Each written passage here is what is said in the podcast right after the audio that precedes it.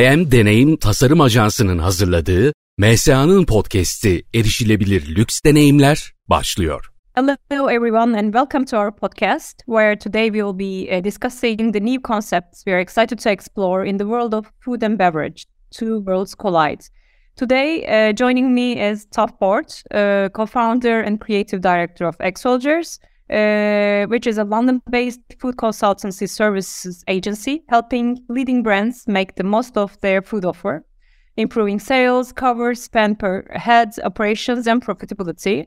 With a background in food science and previous roles including head of food and marketing for Leon Restaurants and head of hospitality product development at Marks and Spencer, Toph has uh, shaped brands and food offerings for industry leaders. With Toph, uh, we also have Pete Champion, uh, one of the co-founders of I-AM. Uh, Pete has over 25 years of experience in pioneering innovations in brand environments. Uh, Pete is passionate uh, to a point of obsession about the intelligence and thinking behind great design, what it does and why it does it, as well as how it looks and feels. So, the connection between human nature and creative ways to engage with it to provide rewarding and memorable encounters is at the heart of Pete's work. Uh, by the way, I am Nalan Yenigün Eren, uh, Global Business Development and Marketing Director for I-AM. I-AM and Egg Soldiers have partnered to elevate the F&B offerings of many brands, uh, and we have worked together in a report regarding food and beverage uh, trends recently I'd like to start today's conversation with a question for you, Pete. What does it mean when two worlds collide? Thanks, Nalan. And hello, everybody. Thanks very much um, for subscribing to the pod- podcast. And I uh, hope you're going to find it interesting. This kind of topic of the two worlds collide has a couple of different aspects to it, really. First of all, we wanted to combine the different expertise of our organizations from the egg soldiers point of view in terms of the world of food and the core of any any dining experience, of course, the, the product itself. And Toph is an amazing expert in that area. And then from our point of view, uh, I am on the experience design side. So for us, there is something very brilliant if the, the two worlds of kind of food and experience design combined together. So that's one aspect of it. But the other aspect, really, most of the thing we'll we'll talk to you about today is something that we think is developing uh, at the moment in a very interesting way. Um, we'll explain sort of why a bit more later, but it's when the sort of coming together happens of a sense of kind of access- accessibility, uh, informality, low cost end of the market. So you could say cheap, you could say affordable, but basically the low end of the kind of food sector. If that was to collide or combine together with the high end traditional sector of the market, so the market that gives a customer specialness, quality, high design values, something indulgent, uh, something extravagant, you could say, then we think something quite interesting begins to happen. And we think this is starting to happen right now.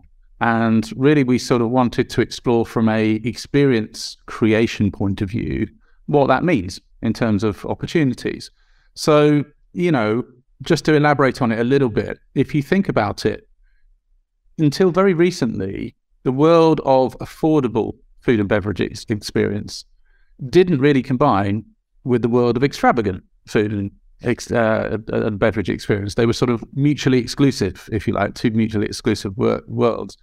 But we can see a few examples, and we're going to show you. We'll talk about a couple of exa- examples um, uh, of the combination between affordability and extravagance. We think these two worlds are starting to come together in interesting ways.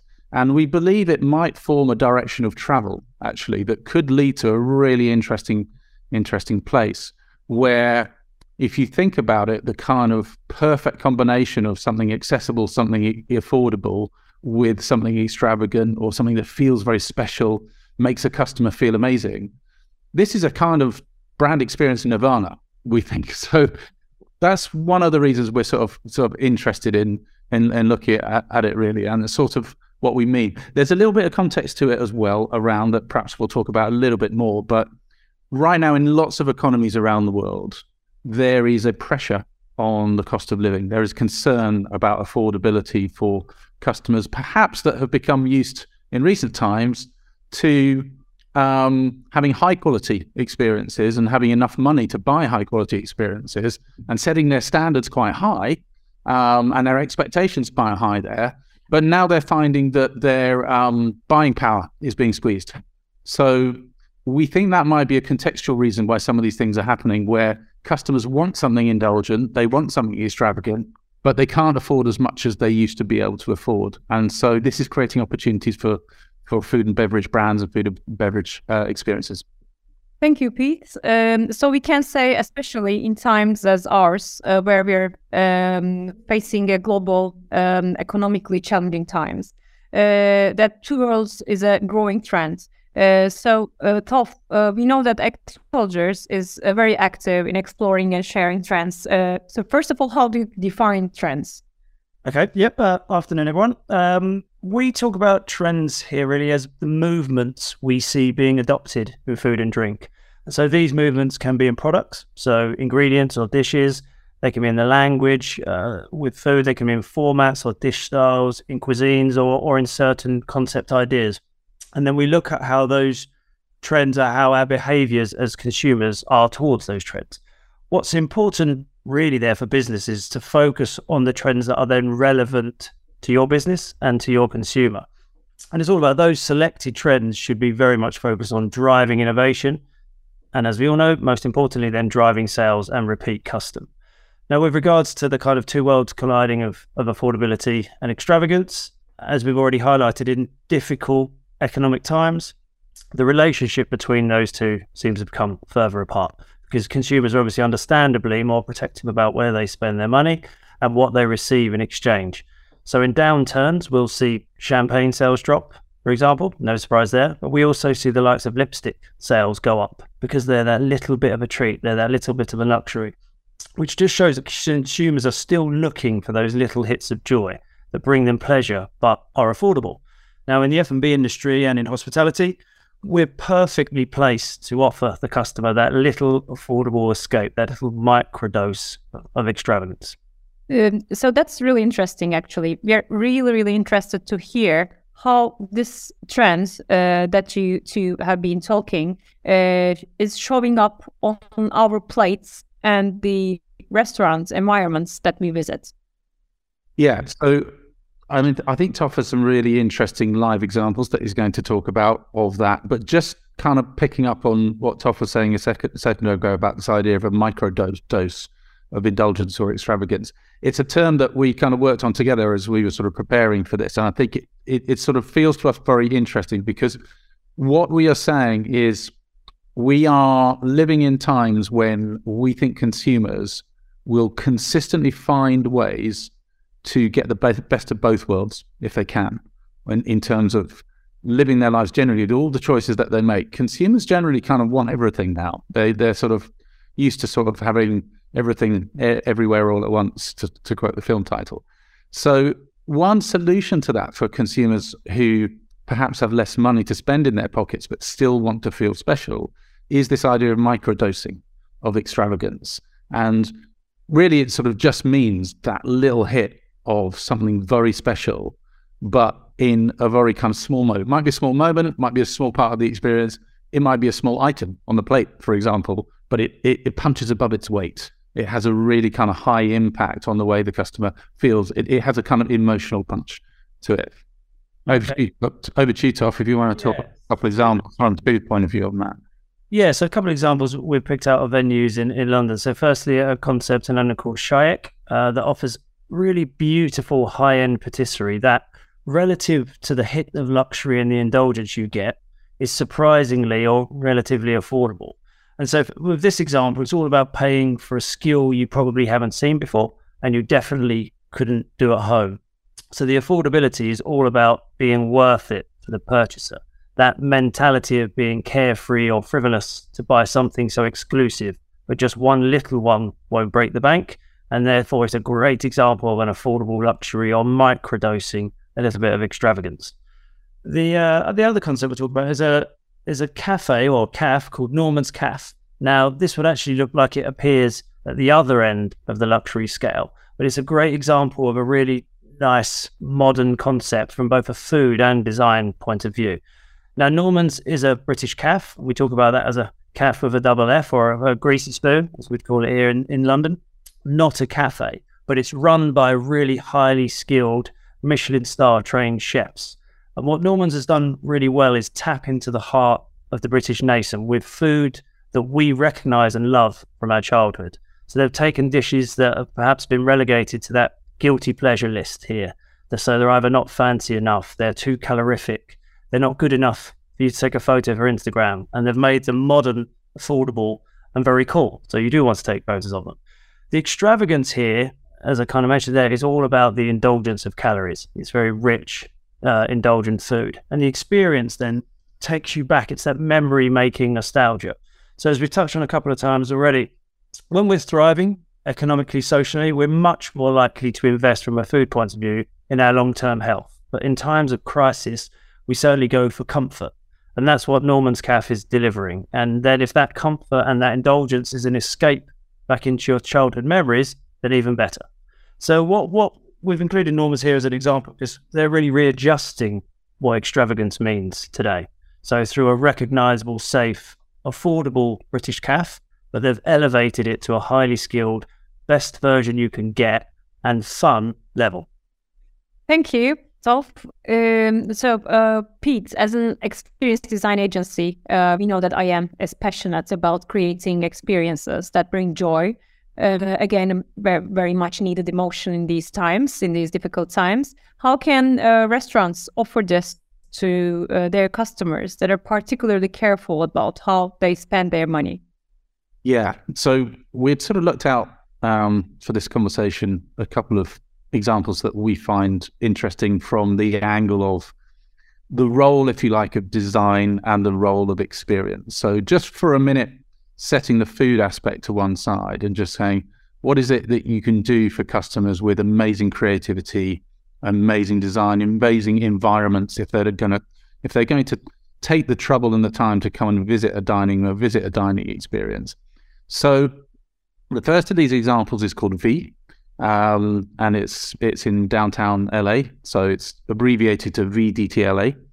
Um, it's a Scandinavian company actually, sort of started in Stockholm in, in, in Sweden, and I'd encourage everybody to sort of check it out. You can find it online. It um, particularly on Google Images or any image search, it looks pretty amazing as an environment. Um, looks like a kind of high-end members club or something like that. Very glamorous experience beautiful kind of cocktail bar in the middle, really high end looking materials. Every sort of touch is considered and designed, including the toilets. Um, the, the, the, toilets are mini micro dosing of experiencing themselves, actually. And every every aspect of the customer journey and the brand experience is super high end. And you think, oh, wow, this is a kind of special occasion place, right? But what we find interesting about it is actually not a member, members club. It's incredibly affordable comparatively for what you'd expect from the environment. And the reason is that the engineering or, or what's underneath the bonnet of, of this restaurant is it's a QSR operation. It's a fast food operation, Italian fast food, basically. And it's part of this movement that, that, that, that we sort of want to talk about and is being called in the industry sort of fast fine. So there's a sort of developing movement called fast fine social experiences and, and environments. And what's clever about it is they have worked very hard to optimize everything operational or everything to do with the, the food and drink to meet. And don't get me wrong, the, the quality of the Italian food served is good. It's, it's very, very good. But it's still takeaway pizza, you know, very, very optimized, very simple menu.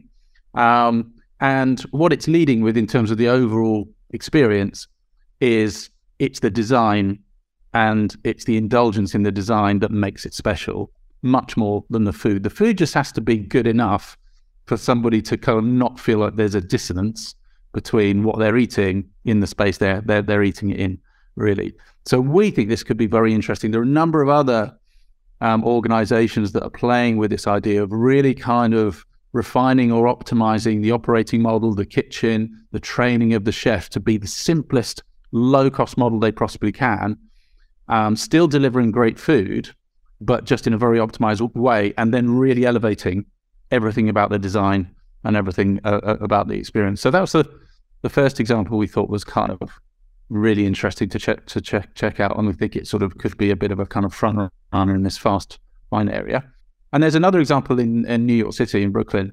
Um, for different reasons, is quite quite interesting. Is um, in New York City, it's called the the Brooklyn Dumpling Shop, and the founder of this describes what he's trying to do as the new automat, but for food. So what he's done is again he's kind of identified a type of food that could be delivered in a very streamlined, very efficient way, dumplings, basically, but with an enormous range of variety to do with the kind of different fillings that he offers and, and this kind of thing. But the thing that's most interesting about this operation is it's entirely self-service for the customer. So it's open 24 hours a day, seven days a week. Everything is automated, so that's why he call, calls it an automat.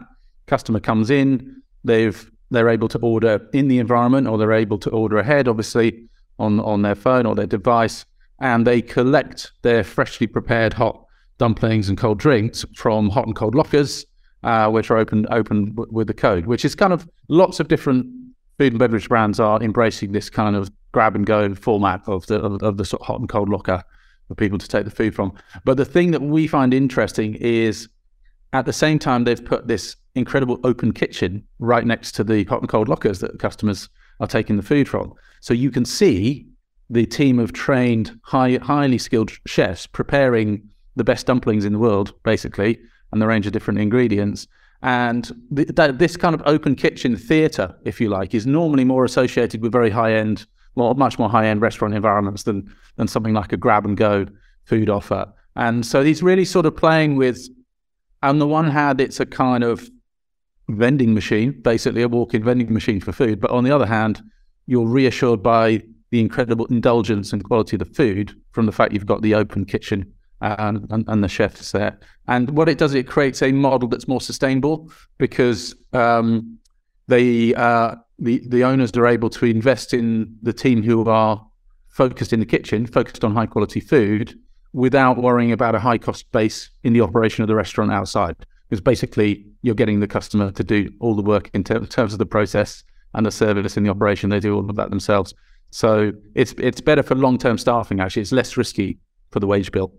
Um, these are actually great examples. Thank you so much, uh, both of you. Um, and uh, do you have any suggestions about how the Turkish market uh, can apply uh, this uh, concept of uh, two worlds collide uh, to their brands?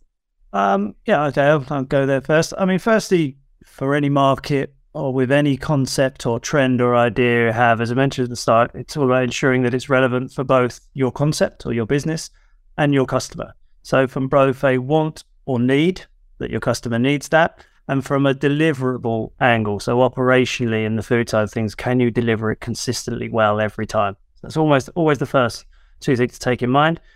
With today's idea in mind or today's theme in mind, recognizability is a is a very important word that we're referring to right now, and that's especially important when customers are concerned about money. So we want to be able to give them confidence that they'll enjoy the experience or project or product, sorry, they're purchasing, so they feel safe to spend their money on something that they recognize. The key then really is to add your stamp or your little brand twist to that recognizable idea. So the example here could be a local dish that you have an extravagant global twist to, or reverse that and take a globally inspired product that you then add a more luxury local twist to, or create a luxury version of it. That's kind of two options of, approaching it. I think from point of view of the role of design, the role of experience, I've spent a lot of time in in Turkey, country I love. A lot of time in in um, and I love my food, and I've kind of really enjoyed the range of different uh, cuisines. There's a specific kind of um, signature, obviously, to sort of to Turkish cooking. And I think what's interesting from an opportunity, business opportunity point of view, is the prevailing standards of food quality, certainly compared to generally markets like the UK and other Western markets, for the price point is pretty incredible. So the the quality of the food that is just considered to be straightforward, kind of even street food or very everyday food, the quality of that is is already incredible. So I think where where there's an opportunity is almost to play on this idea a bit like um, I was talking about with VDTLA, is if the food's already amazing quality for a relatively low cost for the operator to produce relatively low labor costs, relatively low ingredients costs, etc., there's an opportunity to perhaps elevate that beyond the expected. Because in a way, it's almost kind of taken for granted the the kind of and quite a lot of the environments that you consume the food in can be a bit generic, you know, quite similar to each other. You know, they they all sort of feel like there's, as Toph was saying, not much recognition or much not much distinctiveness perhaps uh, between the different environments. Um, and I think I would say probably from a design point of view, with the right creative thinking, combination of elevating the standard of the environment to something that the customer really notices rather than just kind of take it for granted, but actually to make a design statement. Perhaps it's a statement of extravagance and indulgence in the design to the point where the customer goes, wow, look at this, look at this space. This is incredible what's been going on here.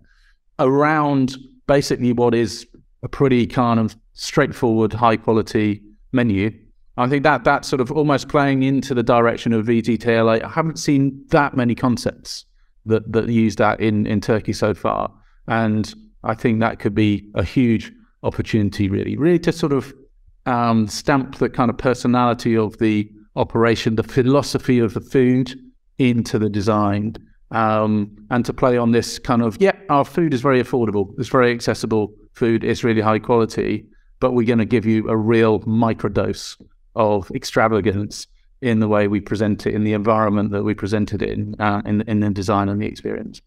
Thank you very much, both of you. And I would like to also thank uh, MSA, uh, which is the leading culinary art institute uh, in Turkey, uh, for the opportunity uh, for this recording. and I hope all this insight that you provided will give our listeners the drive to explore new offerings for the cust- for their customers. thank you, Toph. Thank you, Pete. Pleasure. Thank you. Thanks a lot.